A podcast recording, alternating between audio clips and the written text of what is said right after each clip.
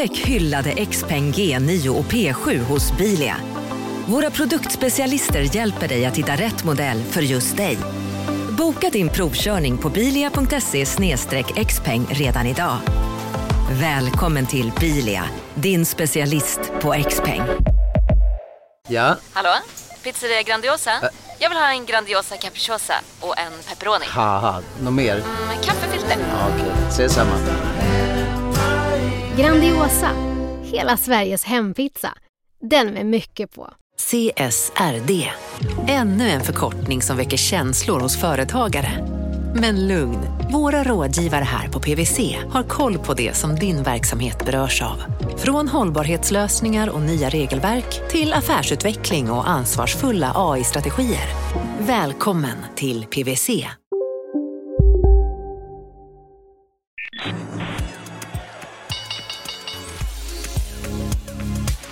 Här är Affärsvärlden Magasin med Helene Rådstein. Hej och hjärtligt välkomna till podden Affärsvärlden Magasin där vi varje måndag fördjupar oss i affärsvärldens journalistik. Jag heter Helene Rothstein och jag är reporter på Affärsvärlden. Och nu sitter jag här med Helena Strigård och du är vd för branschorganisationen Sweden Bio. Välkommen hit. Tack så mycket. Ni förenar svenska life science-bolag. Det låter som en brokig skara.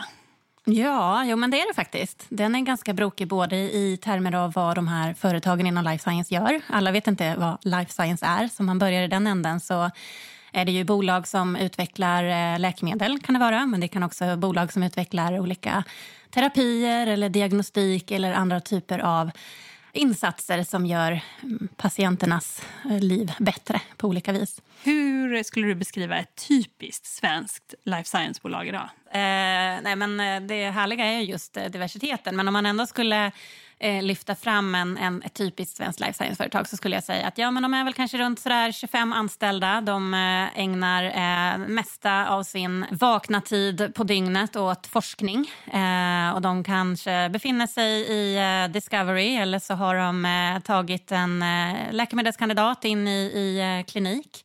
De har eh, troligen inte någon produkt på marknaden ännu, vilket faktiskt är ganska vanligt inom life science. Det tar så otroligt lång tid i den här utvecklingsfasen. Och eh, i ganska stort behov av eh, kapital då från omvärlden. Och om man tänker sig då, nu så fick vi den här krisen. Hur har den påverkat era medlemmar eller svensk life science-industri skulle du säga? Mm, ja, liksom på lite olika sätt och i olika faser. Om man börjar med det här liksom omedelbara som vi alla eh, hade att, att eh, hantera liksom när det här kom så eh, i första fas så blev det väldigt tydligt att det var många bolag som snabbt ville hjälpa till i Eh, det här akuta läget. Eh, så att eh, bolagen har ju påverkats på så vis att det har blivit ett väldigt stort intresse för vad många av dem gör. Och en del har ju till och med ställt om lite grann sin verksamhet nu för att verkligen kunna möta den här utmaningen. Men om man tar det lite mer liksom i det långsiktiga perspektivet så, så drabbas ju vår bransch som så många andra av de ekonomiska konsekvenserna av, av covid-19. Och eh, dels är det ju då det här med kliniska prövningar som är en viktig del för, jag ska säga inte alla life science-företag, men för de som eh, en ganska stor del då, de här läkemedelsutvecklande bolagen, det är ju deras liksom, kärnverksamhet. Och det får man ju vara ödmjuk för att nu har ju hälso och sjukvården mycket annat för sig än att eh, agera inom kliniska prövningar. Så där har det ju eh, uppstått lite förseningar, eh, framför allt då för för vissa bolag. Vad skulle du säga att det får för konsekvenser när det blir förseningar? Och jag tänker också på investerarperspektivet här. Jo, men alltså ytterst tror jag det är klart att eh, i, i det långa loppet så handlar det om att det är läkemedelskandidater som får lite tuffare att, att komma hela vägen. Och Det kan ju påverka patienterna så småningom. Men om man tittar mer kortsiktigt så är det ju att eh, alltså de här bolagen, hela deras logik är att de tar ju in kapital det här kostar, det kostar jättemycket att, mm. att utveckla produkter inom life science. Eh, och då behöver du investerare. Och, eh, en del av dem finns i Sverige, men många finns runt om i världen. Så att vi är ju avhängiga det, det liksom internationella investeringsklimatet. Och om man då inte möter sina milestones för att det har blivit eh, förseningar. Sen är det ju inte bolagens eh, skuld att det har blivit så, men det har blivit förseningar och då kan det bli rätt mycket knepigare att få kapital. Mm. Men vi jobbar ju väldigt mycket nu för att, så att säga, motverka den effekten. För att i grund och botten har ju ingenting förändrats i projekten utan de är ju väldigt starka. Mm, för man kan hålla på med sin fas 2-studie ja. Eh, men så når man inte hela vägen fram och fortfarande behöver man pengar ja. för, för, att kunna fullfölja studien. Liksom. Ja, precis. Och, och hela studien ser likadan ut, men den pausas. Men mm. är det bara att återuppta studien igen? skulle du säga? Eh, det är ju inte riktigt det. Eh, det beror lite på vilken, eh, vilken fas du befinner dig i, liksom, hur pass sårbart det är, de här förseningarna. Om du precis var på väg att starta upp så, så är det ju lättare att skjuta saker på framtiden. Men om du befinner dig mitt i så blir det eh, förstås knepigt. Eh, och eh, då, Eh, ja, det, det, är en, en av mina medlemmar som uttryckte det som att just nu håller vi andan. och vi, vi klarar det ett tag. Eh, men sen, sen gäller det ju att man liksom får den här, eh, de här förutsättningarna att kunna plocka upp tråden igen, som du säger. Eh, så att eh, det, är lite, det är faktiskt lite pirrigt att se nu hur länge pågår det här stoppet. Det är många som kämpar på nu för att vi inte ska tappa bort många fina projekt. Känner du så här om man då pratar med investerare och säger men titta här, det är ju mm. samma projekt som du investerade i mm. tidigare. Mm. Ja. Att det finns en förståelse från investerarnas håll där? Alltså, Förståelse finns nog och många bolag jobbar ju väldigt tajt med investerarna. Eh, så det är ju en, liksom en partner under lång tid, både i liksom kompetens och kapital. Eh, men, eh, men sen är det ju, jag menar alla har ju sina yttre ramar att förhålla sig till. Eh, så att, eh, jag tror att man måste se att eh, life science är eh, oerhört påverkad av det som händer på på världsnivå. Eh, och, eh, man ska ut på en global marknad och man är beroende av internationellt kapital. Och De här investerarna då kan ju ha förstås stor förståelse. Men samtidigt så är det liksom en krass verklighet att man behöver ju möta milestones. Mm. Eh. och, och, när du pratar om eh, milestones så är det ju så att många av de här bolagen de är ju behäftade med ganska eh, stor risk från början, make mm. or break. Liksom. Ja. Och om man då adderar ytterligare liksom en paus eller någonting så mm. kan det vara ja, men, en risk för mycket eller liksom ytterligare en riskfaktor? Ja, jo, men eh, sårbarheten finns ju där och, och risken är ju Eh, alltså life science präglas av, av, hög risk och det är därför som det är mycket liksom, riskkapital av förklarliga skäl som, som man eh, vänder sig till som finansieringskälla. Samtidigt så är ju liksom uppsidan väldigt hög när man väl lyckas. Mm, mm, så, absolut. så att de hänger ju ihop skulle jag säga.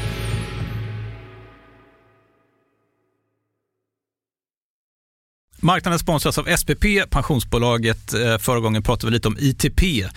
Och som en kort repetition så, så var det ju 70-tal, arbetsmarknadens parter bestämde att alla tjänstemän ska ha en tjänstepension. Man kom överens om vilka villkor som ska gälla i den här pensionen och så kallade man den för ITP. Så jobbar man idag som tjänsteman i ett företag med kollektivavtal, då har man förmodligen den här pensionen, ITP-pensionen. Eh, och det är ju så att man kan påverka eh, den här pensionen, hur den är placerad. Vart femte år så gör nämligen Collectum, som de heter, en enorm upphandling där olika pensionsbolag kan ansöka om att få förvalta eh, de här pensionerna. Och SPP är ett av bolagen som valdes ut i den senaste upphandlingen. Och sen kan du som pensionssparare välja eh, vilket av de här olika pensionsbolagen som, som då ska få ta hand om dina pengar. Och tanken med den här upphandlingen är ju att liksom kvalitetssäkra de här olika alternativen eh, men också att förhandla fram stora rabatter så att pensionsspararna ska få, ja, kunna spara pengar genom att avgifterna eh, som är så viktiga eh, blir eh, lägre. Och vill man välja någonting i ITP-systemet då finns det en relativt ny sajt som heter avtalat.se. Ehm, där kan man gå in och se hur sin ITP-pension är placerad. Jag gjorde det häromdagen faktiskt. Ehm, idén är att hälften av pengarna alltid ligger i något som kallas för traditionell försäkring. Det här gjorde vi ett avsnitt om i podden Kapitalet nyligen eh, som vi kallade världens bästa sparform. kan man lyssna på om man är intresserad. Eh, den andra halvan eh, den kan man också lägga i en traditionell försäkring eller så kan man placera det i något som kallas för fondförsäkring. Eh, SPP som sagt eh, var ju ett av de fåtal bolagen som valdes ut i den senaste upphandlingen och de finns med som alternativ både med en traditionell försäkring och med eh, fonder. Så det var en liten bakgrund till ITP-systemet. Vill man läsa mer om det här eller typ kolla hur ITP-pensionen är placerad, eh, kanske göra förändringar, då går man in på avtalat.se. Eh, men tack säger jag till SPP som vill göra oss människor mer medvetna om hur enormt viktig pensionen är för oss som en framtida lön, men också som en positiv kraft i samhället eh, och förstås för att ni möjliggör eh, den här podden Marknaden. Du lyssnar på Affärsvärlden Magasin med Helene Rådstein. När du studerade biotech i Uppsala på mm. 90-talet mm. då pratade vi om att det var Pharmacia och AstraZeneca mm. som var de stora arbetsgivarna. Jag, mm. jag, tänkte när det kommer en sån här kris att det inte finns ett så stort företag som liksom sköter kommunikationen mot liksom stat och regering och sådär vad det mm. gäller stödpaket. För, för det där dröjde ju ganska länge innan ni blev uppmärksammade. Ja, precis. Eh, först ska jag säga att jo, men alltså, vi har fortfarande stora företag. Det har vi. Eh, AstraZeneca är en jätteviktig aktör i, i ekosystemet och det finns betydligt eh, det finns fler, jag ska inte räkna upp alla. Men eh, det är ju viktigt att liksom föra fram den här rösten som är för då de många små och medelstora. Och ganska snabbt när covid-19 slog till så eh, vände vi oss till våra medlemmar och frågade eh, ja, men, vad skulle hjälpa er. Eh, och då var det faktiskt 70% som av eget, egen maskin nämnde då det här med statligt ägarkapital. Och det finns eh, aktörer, förutom Almi Invest, även Saminvest och Industrifonden och fler som är viktiga spelare i det här. Eh, och eh, när jag säger statligt ägarkapital då, alltså det här är ju inte... Det, man ska inte tänka att det handlar om att, att eh, staten kommer in och tar över de här bolagen och att eh, det handlar om att liksom fylla hela kapitalbehovet som de här bolagen har. För det, det, går inte och det ska inte staten göra. Däremot så är det ju som så att det har ett jättestarkt signalvärde om man som ett, eh, ja men ta det där typiska bolaget då, på 25 anställda som håller på och forskar. Eh, och så har du behov av att vända dig till investerare, nationellt och internationellt, privata aktörer. Och så kan du visa upp att ja, men här har vi fått bryggfinansiering nu från och så någon av de här statliga aktörerna.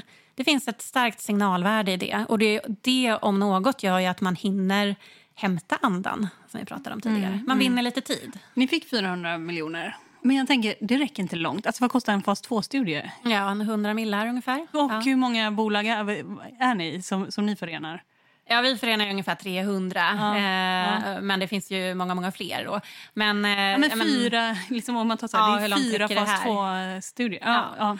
Ja. men det är just den där logiken som jag gav uttryck för. Att eh, det är dels signalvärdet, att det räcker med en, en faktiskt eh, mindre summa, alltså ju mer desto bättre. Men en liten summa har betydelse eh, i att skapa intresse från stora aktörer som då förstås måste syndikera med de här eh, statliga aktörerna. Sen en annan del som är viktig att komma ihåg är ju att eh, alltså det här blir som en, en ankarfinansiering. Man behöver komplettera med en diversitet av finansieringskällor. Ni kom med en rapport här nu den 2 juni som var väldigt så positiv.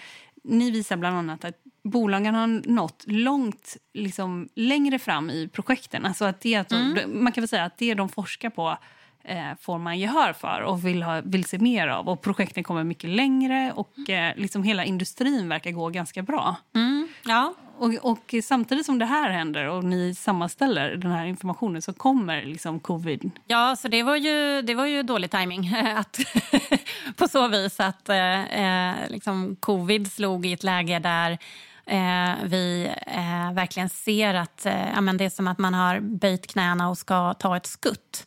Eh, och eh, vi har ju också nyttjat den här bilden som vi har samlat ihop om det väldigt positiva läget bland bolagen och, och Eh, med särskilt fokus då på de, de läkemedelsutvecklande bolagen till att visa på att här finns det en fallhöjd. Det här ska vi inte slarva bort. För att eh, just styrkan i projekten, och då pratar jag om liksom forskningen och, och den kommersiella kraften som de här projekten ändå uppvisar. Eh, där, där, har vi ju svart på vitt nu att det, det har gått väldigt bra eh, sen vi gjorde den här rapporten sist. Ett fenomen som är välkänt för de som jobbar med inom life science det är external innovation. Att eh, eh stora giganter eh, de, de förstår ju att liksom all innovation kan ju inte ske inom deras eh, bolags väggar utan man vänder sig i högre och högre grad då till den innovationskraft som finns utanför det stora bolaget och söker samarbeten med då de här eh, lite mindre pigga, innovativa aktörerna. Och där är ju Sverige, vi, vi är bara så jäkla bra på små innovativa life science-bolag. Har du någon eh, teori om varför?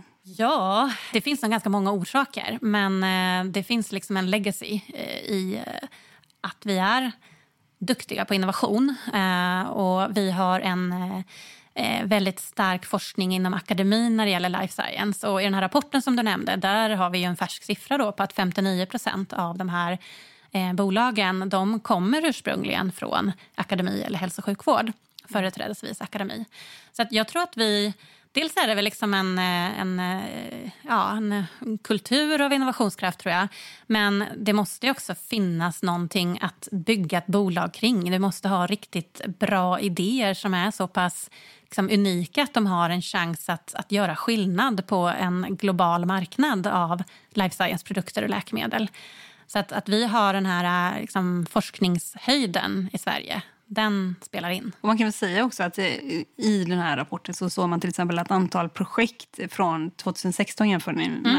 att de har ökat från 369 till 420 stycken till mm. exempel. Att det också har blivit fler mm. projekt. Mm. Och sen också att 50 procent av dem har attraherat internationellt kapital och 100 procent svarade att de har internationella samarbeten. Yes. Och så ser det kanske ut i de flesta andra life science-industrier runt om i världen? Eller? Alltså det där är lite spännande. för att eh, Sverige är ju trots allt en ganska liten nation. Eh, så även om vi liksom excellerar inom life science så, så är vi ju jätteberoende av att koppla upp oss internationellt.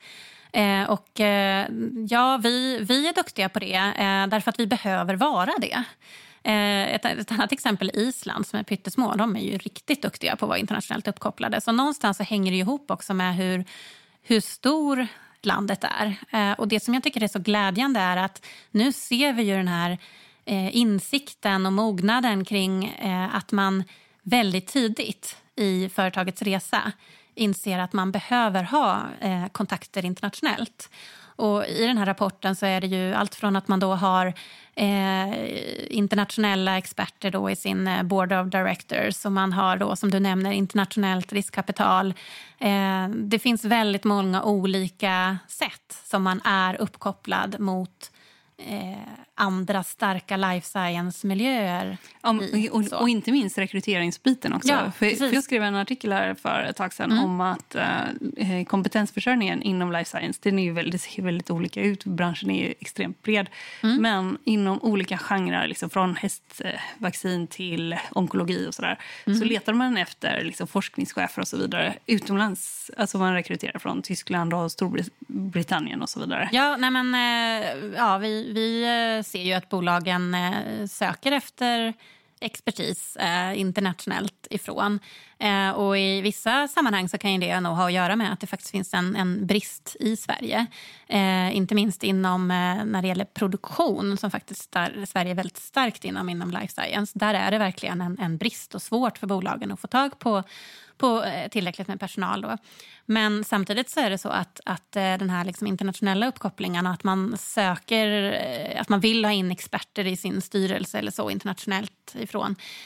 Det har nog inte bara att göra med liksom vad som finns att tillgå på hemmaplan utan att det är en insikt om att om man, man ska ut på en global marknad, man ska agera med eh, amerikanska spelare eh, eller vad det nu är för någonting då behöver man ju också få in representanter som har gjort den resan, som kan det. Mm. Så att, eh, ja, det är en bransch som är i extremt hög grad beroende av internationalisering. Du lyssnar på Affärsvärlden Magasin med Helene Rådstein.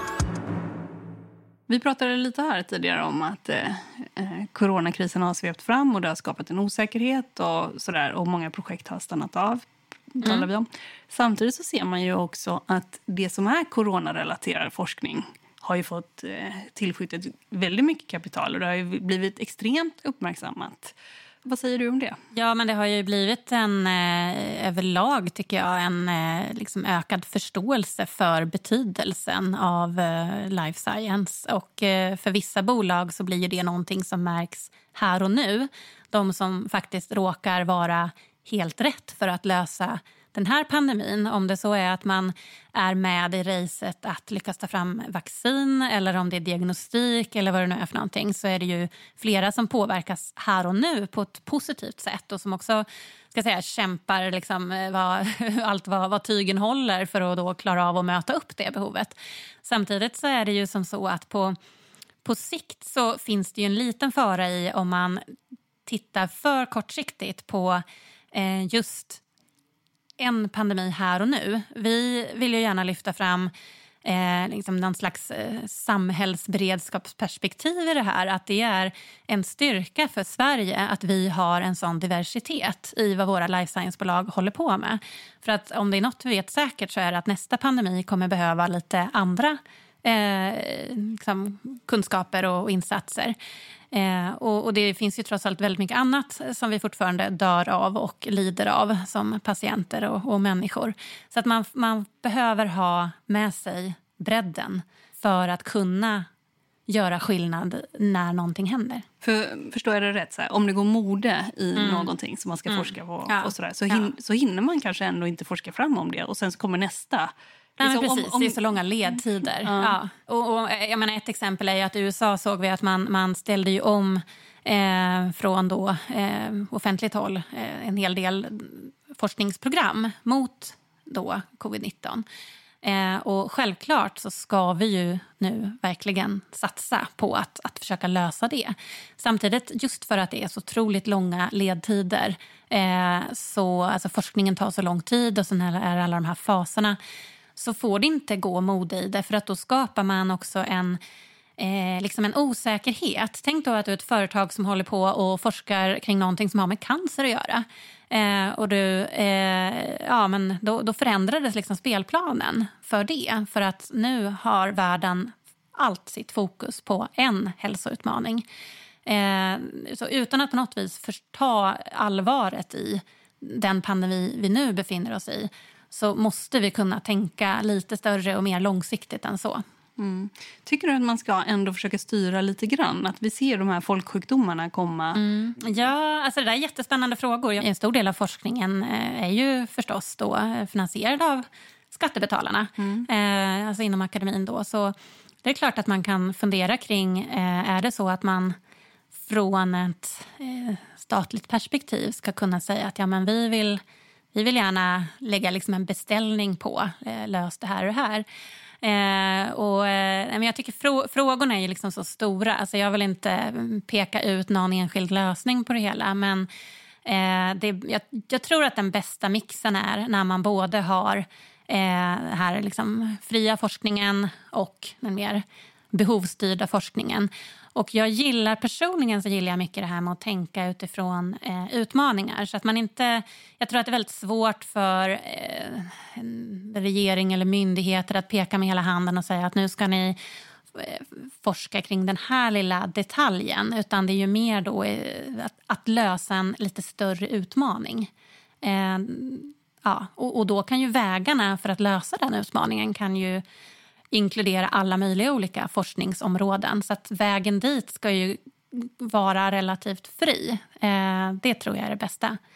Men jag tycker fortfarande att det är intressant att kunna som ett land fundera kring vad är det för stora samhällsutmaningar som vi skulle vilja att vi med vår eh, liksom samlade forskarkraft ska försöka lösa. Och bara man lägger det på tillräckligt hög nivå så, så tror jag att det är en en sund väg att gå. Det känns ju som att man skulle kunna applicera det på väldigt många områden. Liksom. Mm. Vi ska inte ha någon fattigdom. Eller liksom, klimatutmaning ja, eller ja, eh, liksom, ja. Folk, olika folksjukdomar. Och så. Ja, ja, liksom man börjar med problemet och därefter kommer liksom de andra politik, ja, vad det nu kan vara för någonting.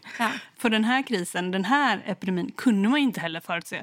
Ingen regering kunde ju säga Hejsan, jag vill att ni eh, forskar kring det här. Vi vill att ni utvecklar läkemedel eller vaccin mm. mot en epidemi som kommer komma från Kina här om eh, liksom fem år? Alltså precis de biologiska mekanismerna som styr just det här viruset hade vi ju inte kunnat preppat för. Sen, sen tycker jag, och jag, liksom, utan att ja, vara för så här efterklok jobbig så tycker jag att om vi tänker så här, att eh, säg att 2025 så kommer nästa stora pandemi. Vad är det vi vill göra nu för att undvika att eh, vi är eh, liksom oförberedda på det. Eh, då skulle jag säga att ja, men då behöver vi verkligen tillsammans med då den här eh, samhällsskatten vi har i vår diversifierade life science-bransch. Där behöver vi se okej, okay, hur kan vi rigga eh, strukturer. Kanske någon sån här contract manufacturing organization, om det säger dig någonting. alltså kontraktstillverkare av eh, eh, läkemedel. Eh, alltså att man, man skapar en, en struktur eh, som har Eh, man, man har liksom infrastrukturen, man har musklerna men sen måste man ju koppla på kompetensen. Och Vilken kompetens som behövs för att lösa pandemin 2025 det vet vi inte. Eh, så Därför behöver vi fortsatt ha den här bredden eh, inom life science. Och Sen måste vi redan nu börja fundera på hur kan man vara lite snabbfotad i så fall för att eh, kunna dra nytta av att det kanske är ett litet bolag någonstans uppe i Umeå eller i Lund som råkar vara de som har utvecklat eh, forskning som är liksom helt rätt då.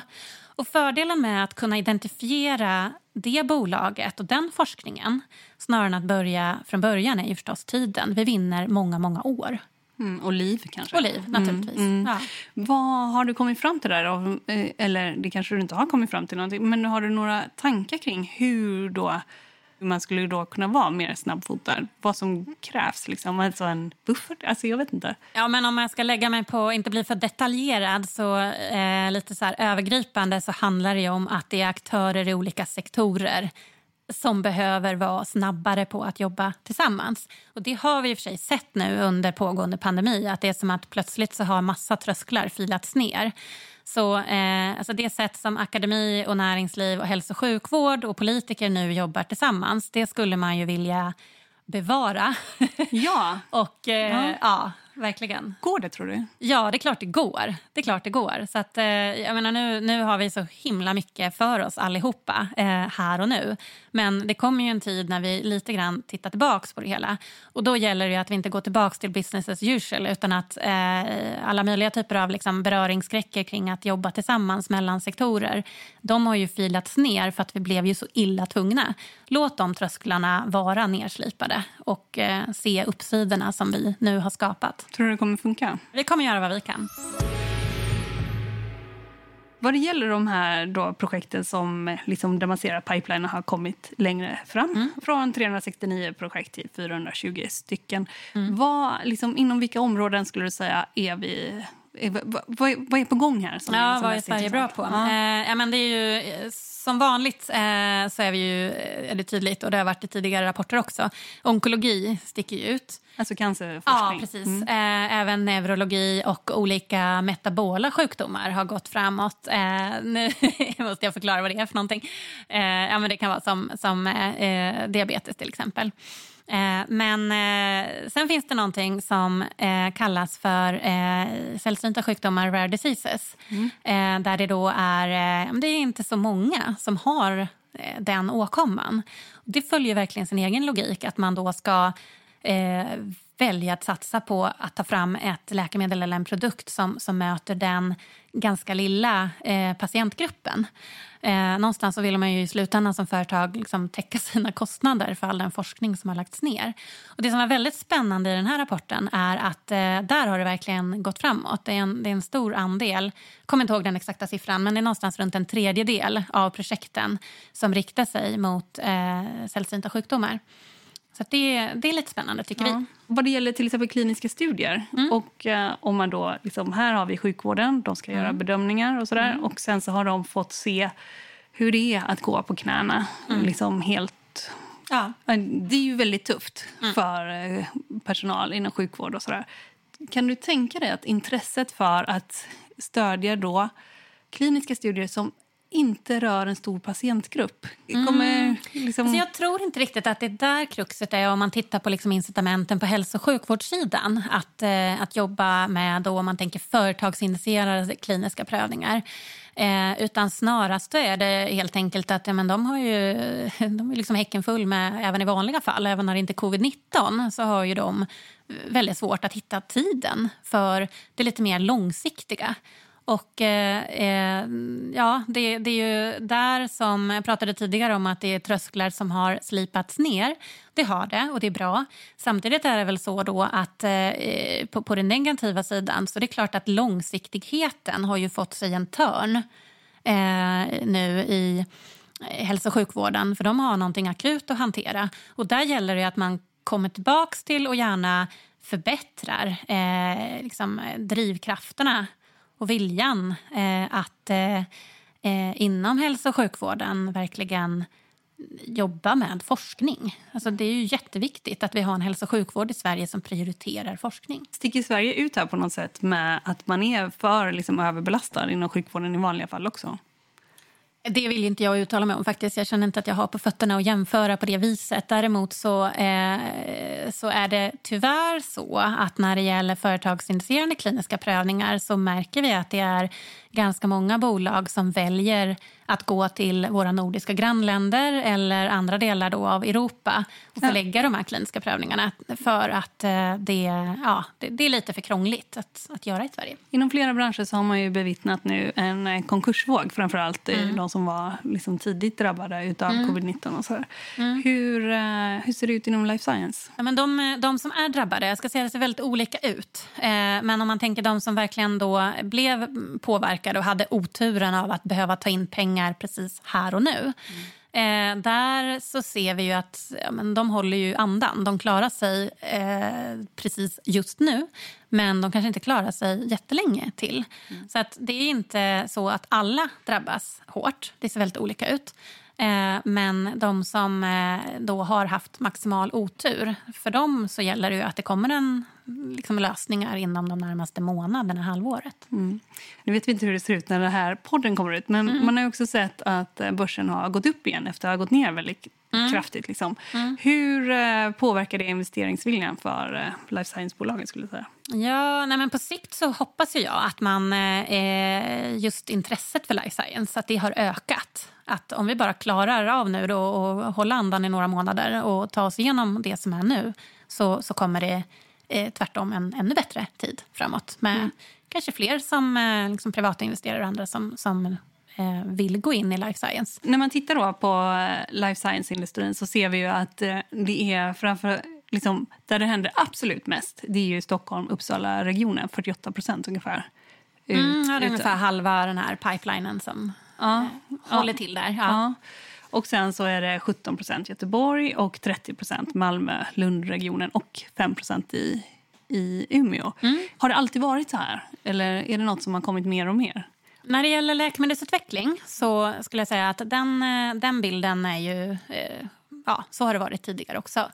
Eh, sen, eh, sen är det ju så att regionerna är ju starka på lite olika saker. Mm. Så tar man till exempel eh, Göteborgsområdet eh, där då, så de är ju eh, starka på health tech och lite mer liksom, gränsytan mellan eh, liksom läkemedel och mer teknikintensiva eh, områden. Och Det har vi då inte fångat i den här rapporten som du tittar i just nu. Mm. Mm. för där är det just eh, läkemedelspipelinen, som mm. man kallar det mm. för, som vi har tittat på. Och om vi tar Stockholm-Uppsala, mm. då, är det, då är det mer klassisk läkemedelsutveckling? Ja, det som är lite roligt är också att eh, just Uppsala är väldigt starka inom eh, eh, mer bioteknik och eh, liksom gränsytan mellan eh, farma och eh, ja, ingenjörstunga teknologier. Och eh, när det gäller då eh, Malmö-Lund-området så eh, ja, de, de, är, de är duktiga på lite av varje men eh, inte minst inom då, den här läkemedelsutvecklingen som vi fångade i rapporten. Och Umeå, det är ändå 5 procent? Ja, och de om något är ju skitduktiga på att vara internationellt uppkopplade. För att eh, De uttryckte det som nu när covid-19 kom att ja, men vi är ju vana att vara på distans. Eh, och jag tror att lite grann, ja, men, ju, ju mindre man är desto eh, lättare har man till att tidigt inse att vi behöver ju få in superproffs eh, från någon annanstans ifrån. Så att, eh, de, de är väldigt duktiga på att eh, ja, ha kontakter med amerikanska investerare och forskare världen över. Du lyssnar på Affärsvärlden Magasin med Helene Rådstein. Eh, marknaden sponsras av Karla. Eh, vi pratar ju en hel del om bilar här på kontoret. Eh, Karla har ju skapat, skulle jag säga, det som är standarden för hur man idag köper och säljer bilar på nätet. Eh, kort bakgrund bara. Eh, karla säljer och leasar begagnade elbilar eh, och laddhybrider på karla.se. Alltså en helt digital upplevelse. Och man har gjort det här med ett nästan maniskt fokus på vad en bilköpare faktiskt behöver. Jag gjorde ju en intervju med en av grundarna, Patrik Illerstig, i marknaden här eh, ganska nyligen, daterad 25 mars, om man vill lyssna på den. Eh, men där berättar han hur de kom in i det här lite från vänster för att försöka uppfinna hela den här liksom bilköpupplevelsen från början. Och de har idag, vilket är rätt otroligt, 4,8 i betyg eh, på Trustpilot. Jag, jag har sett många företagssidor på Trustpilot, men det här är nog bland eh, det bästa jag någonsin sett faktiskt. Man kan sälja bilen till Karla också. Då går man in på karla.se, delar lite info om bilen, sen får man en gratis värdering och ett bud. De hämtar bilen helt gratis i hela Sverige och så har man pengarna på kontot i samma stund som de hämtar bilen. Det är grymt. Eh, så ska du köpa en ny bil eller sälja din gamla, eller båda delar för den delen, gå in på karla.se och eh, kolla. Alltså karla.se och Karla stavas med C. Tack så mycket till Karla. När man tittar i er rapport så ser man att eh, de life science-bolag som noterar sig, där ligger Sverige på tredje plats. Först är det Kina, och sen är det USA och sen är det Sverige.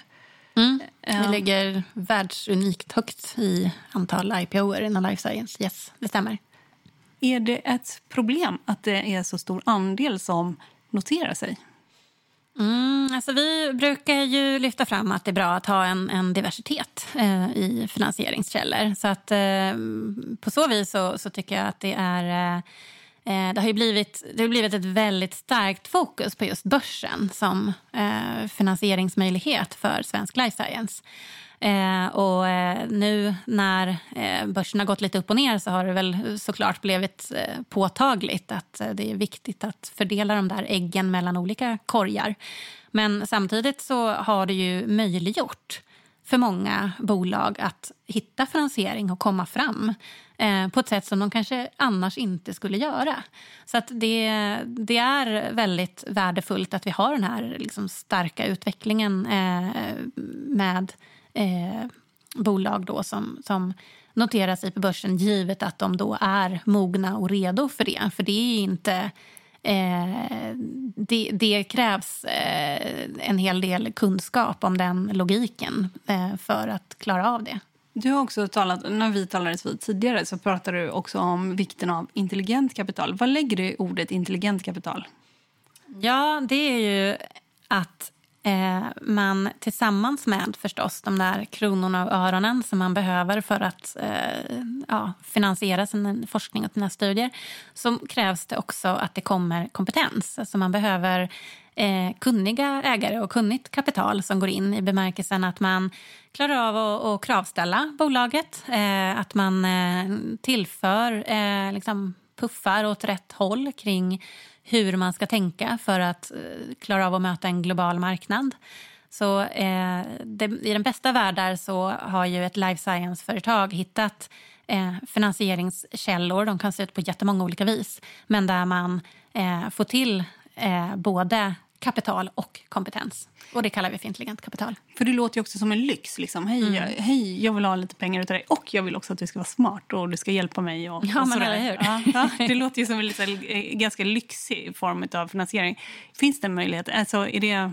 Jo, men jag tycker att det är många av våra bolag, framförallt då de som det faktiskt går bra för. Det de har lyckats med är ju då att hitta eh, investerare som... Eh, alltså man, man jobbar ihop långsiktigt. Eh, det, de blir som en partner eh, som, som kan vara kunniga kring allt ifrån hur ska man klara att gå in på den amerikanska marknaden till liksom, patenttvister till eh, incitamentsystem inom bolaget Eh, det, det, finns, eh, men eh, det, ja, man, får, eh, man får leta lite. Tror du att det håller i sig då? Att vi, vi kommer fortsätta ligga på, på den nivån ungefär? Att vi kommer vara liksom det landet, det tredje främsta mm. landet i, i världen som har liksom, ja, men börs, börsen ja. finansierar Alltså ökningen de senaste åren har varit väldigt eh, kraftig så kanske inte att det ökar lika snabbt. Men jag skulle ju eh, tycka att det vore av godo att vi fortsätter att ligga högt eh, givet att vi samtidigt har den här diversiteten i finansieringskällor. Så att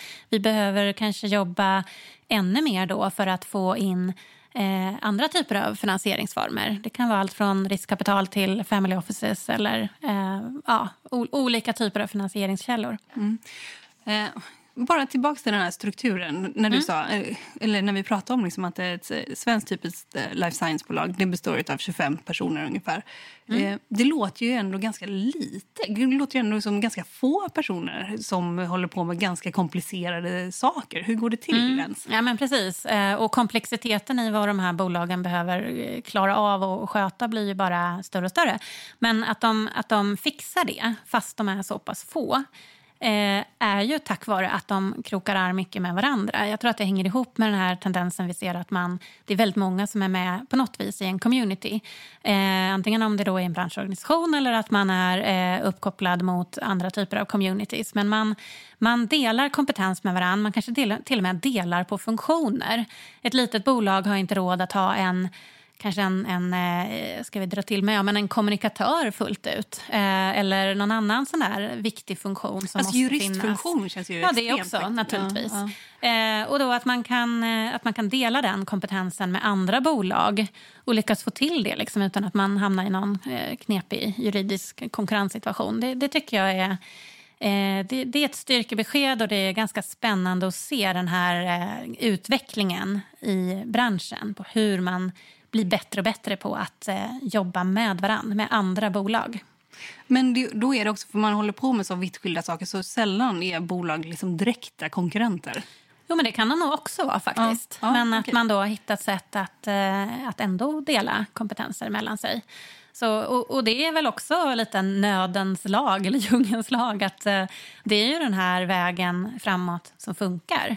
Är man liten så får man vara ganska så eh, nytänkande och kreativ kring hur ska vi då lösa de här utmaningarna. Men om vi då ser till bolagen, det kommer ändå liksom eh, sju till åtta nya bolag per år. Är det en utveckling som kommer att hålla i sig tror du? Det tror jag. Jag tror att vi kommer se, se mer av det. Eh, den här liksom starka påfyllnaden vi ser i början av pipelinen, eh, den tror jag kommer hålla i sig.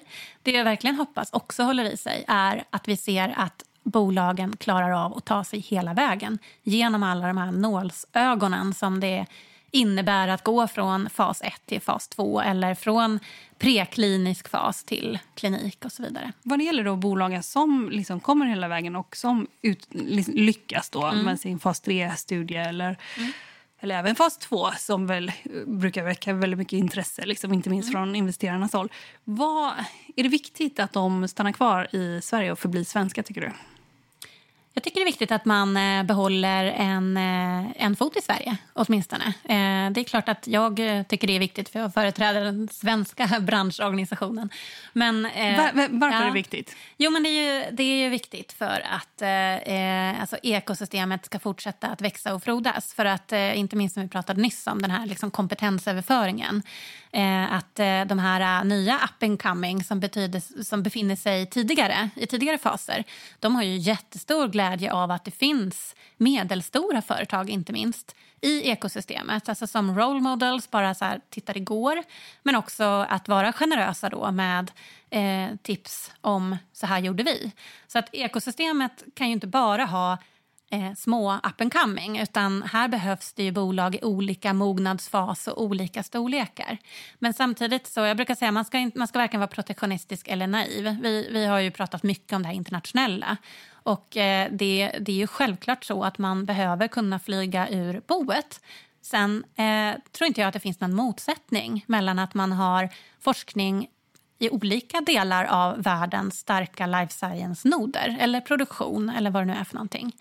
Eh, den bästa världar så fortsätter man ha sitt huvudkontor i Sverige. Och det är viktigt, varför då? Ja, det är väl eh, det är den här eh, liksom, är, kanske självbilden också. Att, eh, att vi är en stark eh, svensk life science-nation. Eh, så ja, vi, vi behöver ha ett antal aktörer som är djupt förankrade här för den här eh, liksom långsiktig, långsiktigheten och kunskapsöverföringen. Mm. Jag säger tack till dig, Helena Strigård, vd mm. för Sweden Bio. Tack för att du var med i podden Affärsvärlden Magasin. Och jag får bara tillägga att det skulle vara väldigt kul ifall du kom tillbaka kanske om något halvår eller år så får vi se hur det har gått. Precis, ja. när, vi, när vi inte håller annan längre förhoppningsvis. Ja. Välkommen tillbaka. Vi. Tack. Lyssna på podden Affärsvärlden Magasin som utkommer varje måndag. För mer information om Affärsvärldens journalistik gå in på affärsvärlden.se. Och podden den är tillbaka om en vecka. Håll ut!